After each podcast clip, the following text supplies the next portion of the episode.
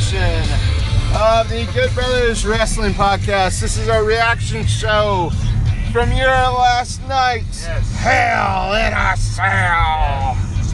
So- uh, our first ever quick reaction. It's the next morning. We're talking Hell in a Cell, everything we liked, didn't like, and really hated. Yes. I didn't like staying up till 11:35. I'll tell you that. No, the clock just kept ticking by. I mean, the main event held my interest for the most part, but man, 11:35, huh? That's that's almost midnight. I mean, it's definitely past 11. And then, Uh, well, I, I, and speaking of the end of the show, then Talking Smack comes on, and no Daniel Bryan. I mean, I didn't watch it, but Talking Smack's not Talking Smack without Daniel Bryan. It was Peter Rosenthal. Rosenberg. Rosenberg. Rosenstein. uh, yeah, uh, so that was weird. Anyway, yeah, so let's just get right to it. Uh, Hell in Cell last night. I thought the uh, do we want to talk about what we liked or didn't like first? Uh, let's talk about what we did like because I'm gonna say this: Hell in a Cell best two cell offerings probably since they created that Yeah, in a while. I agree with that. Of pay per view. Uh, Uh, yeah, that was quite the, the well. So the Usos match was quite a match. I mean, they threw everything Woo. they had, except you know you could you could uh, argue there wasn't any blood, which so know, what? So what? In that there was a lot of was- violence, and it, it was, was definitely brutal. a blow off type match. They were pulling out stuff you'd never seen before. The kendo stick prison in the in in the corner of the cage. The New Day pulled on the one or so. They created their own Punjabi prison. they did. That was cool. Uh, just some of the the some of the moves in that were sick. When uh, Big E choke Oh. slammed uh, the one or so from the apron, and, and Xavier Woods runs under and does like a, a lung blower. That was Yeah. ridiculous. That was, yeah, that about killed. It- looked like I- it about killed. Uh, I thought it was a mistake. I thought it was a mistake when I first saw it, and then they did the replay. It's like, no, he meant to do that. That was nuts, and he sidewalk slammed him. Yeah, that's right.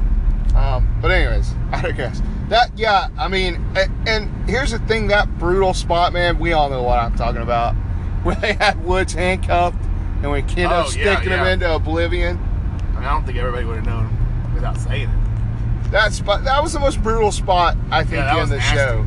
That was nasty. And, and he was just taunting Kofi while he had him hung Yeah. up. Having I Kofi mean- like just like basically crying there on the outside at the end of the match, and then coming in to check on his boys, that hit me in the heart. I mean, that was like, That was, and we'll. I don't know that we'll ever see a tag team match. Well, I hope we do. That has as much history behind it and reason for a big blow off as that New Day Usos match. I mean, it was, it was a thing of beauty the way that thing was booked, and it's never been a main event. It's often the Show opener. show opener, if not the kickoff show match. I mean, they've done a lot of work with, with you know, not not very high placement on the card. take it easy, man. Yeah, no, I, no. The only thing I didn't like was the Usos winning at the end. Hmm. What'd you feel about that? Huh? I thought it was really good. I thought it was good that the Usos won. But uh, what I wonder is now, since the stipulation was the Usos weren't allowed to have any uh, tag title matches. Again, if they lost, do we get a rematch?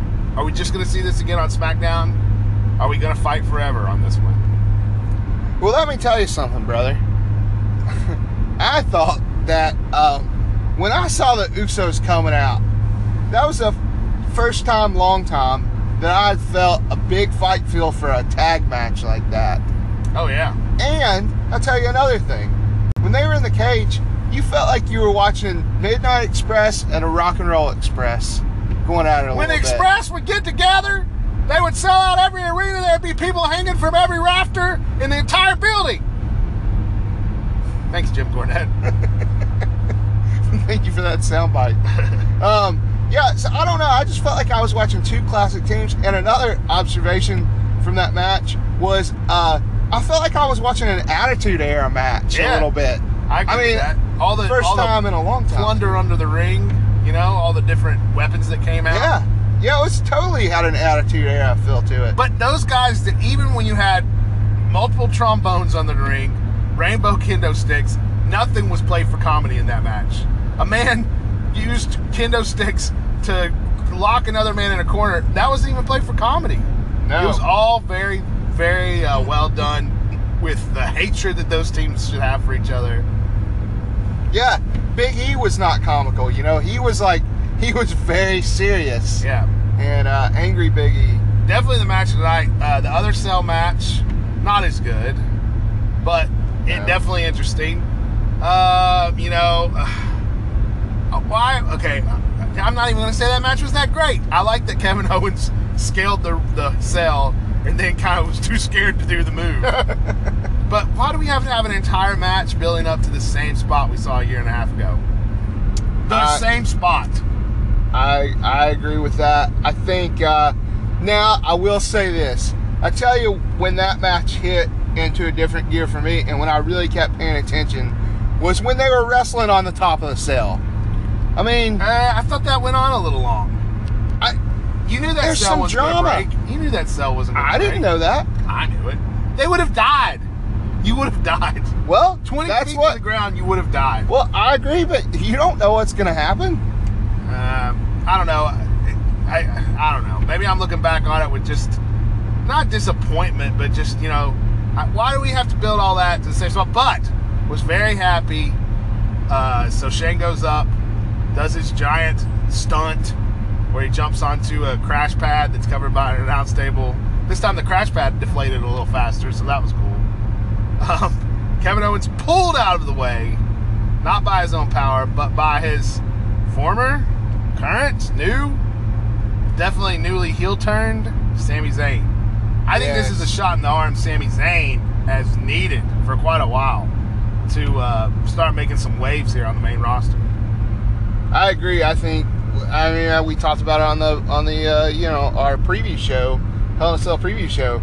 You know, Sami Zayn, Kevin Owens. That could be big money. Could be a big thing. So, So I'm that's looking it. I like that. the result of that matchup. It's not a match I'm going to go back and rewatch. I love that Owens was getting a true main event of a pay per view.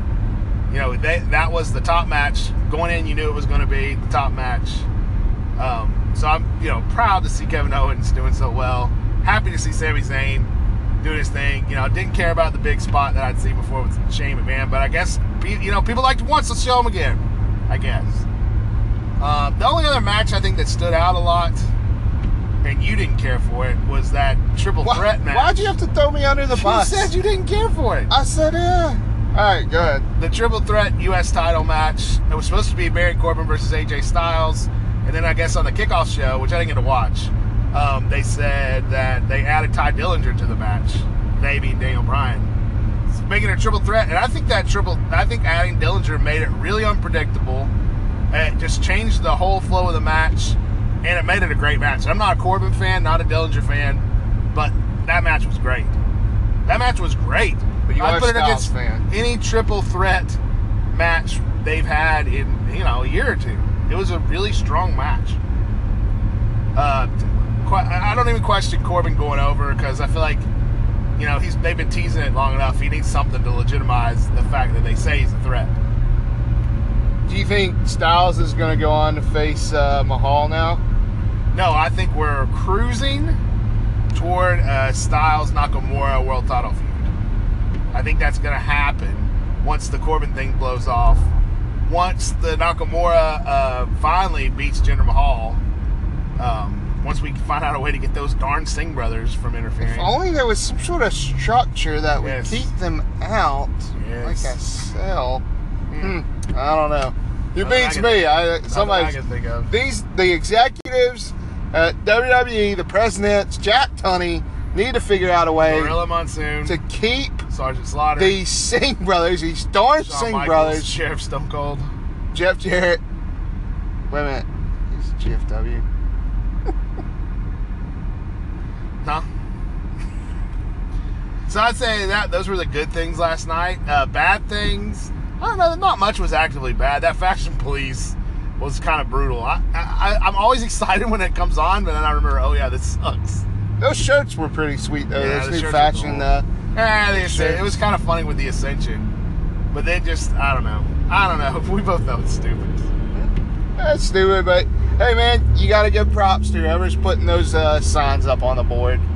Yeah, that's true. That's true. So it's always fun to look at those.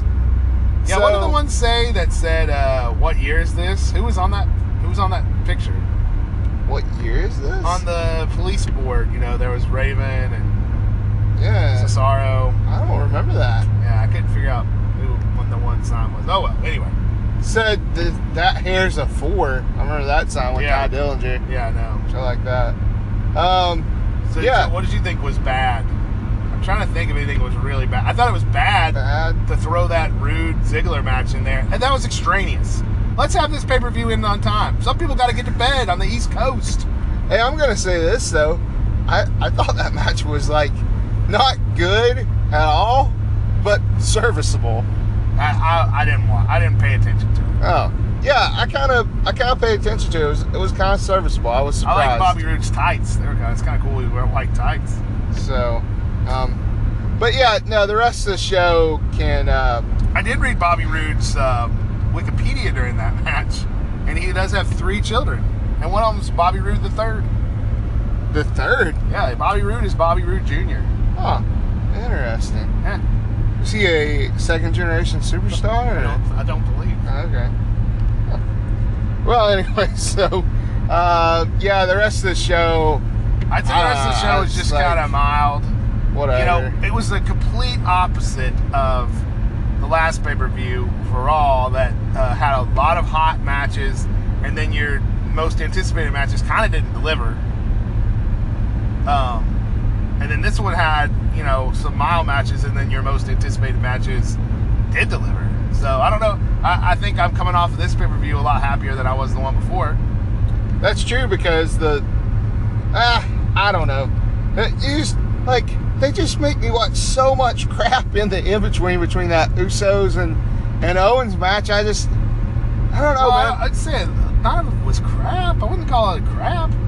I mean the um, the women's match, well, it wasn't memorable, was uh, was okay. I think all of it was like you said, serviceable. It just it, you don't do yourself any favors by putting your second biggest Uh, match at the beginning of the card. Okay, listen though. Here's here's what I'm saying. WWE's putting out an offering of these pay-per-view special events, whatever you want to call them, every two weeks, right? Yes. I and I, as a wrestling fan, have to sit down and watch them. Yes. But at one point last night, I said to myself, I said, I would be happier if I was just sitting here watching Alf reruns. you wouldn't. For one, you wouldn't. No, I think I would have Alf been. sucked. Well, no, You you look don't, don't care about it yet. Okay, well, I've been happier watching uh, uh, Quantum Leap reruns. Maybe, maybe I agree. It's it's tough to feel, and wrestling fans are loyal, and wrestling fans, by and large, I think on a pay per view night, you're not just tuning in at the end to see the main event. You're watching the whole thing, and, and it's tough. Three and a half hours. That's not watching the kickoff show. That's a that's a long haul, man. For every couple weeks, after you're watching three hours of Raw and two hours of SmackDown, it's a lot. I it's mean- a lot to ask. I make it something you didn't make it something amazing or pare it down Yeah. to five matches in two hours. Something's got to give, or I'm going to break with these special events. That's just, I just feel that way. Wow. I'm gonna start crying. Well, yeah. Well, you know, I didn't have much going in for Nakamura uh, Mahal. I didn't look for that to be a good match, and it wasn't. It was just its usual thing. Still, I still have yet to see what makes Nakamura so great on this main roster or in NXT for that matter. Um, but every time he's around, I'm like, oh, this would be might be kind of good.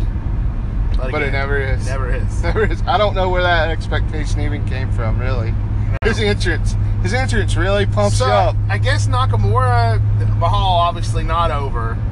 Um, I guess Survivor Series now. Are we putting the title on Mahal or on Nakamura at Survivor Series? I mean, I can only say I guess so.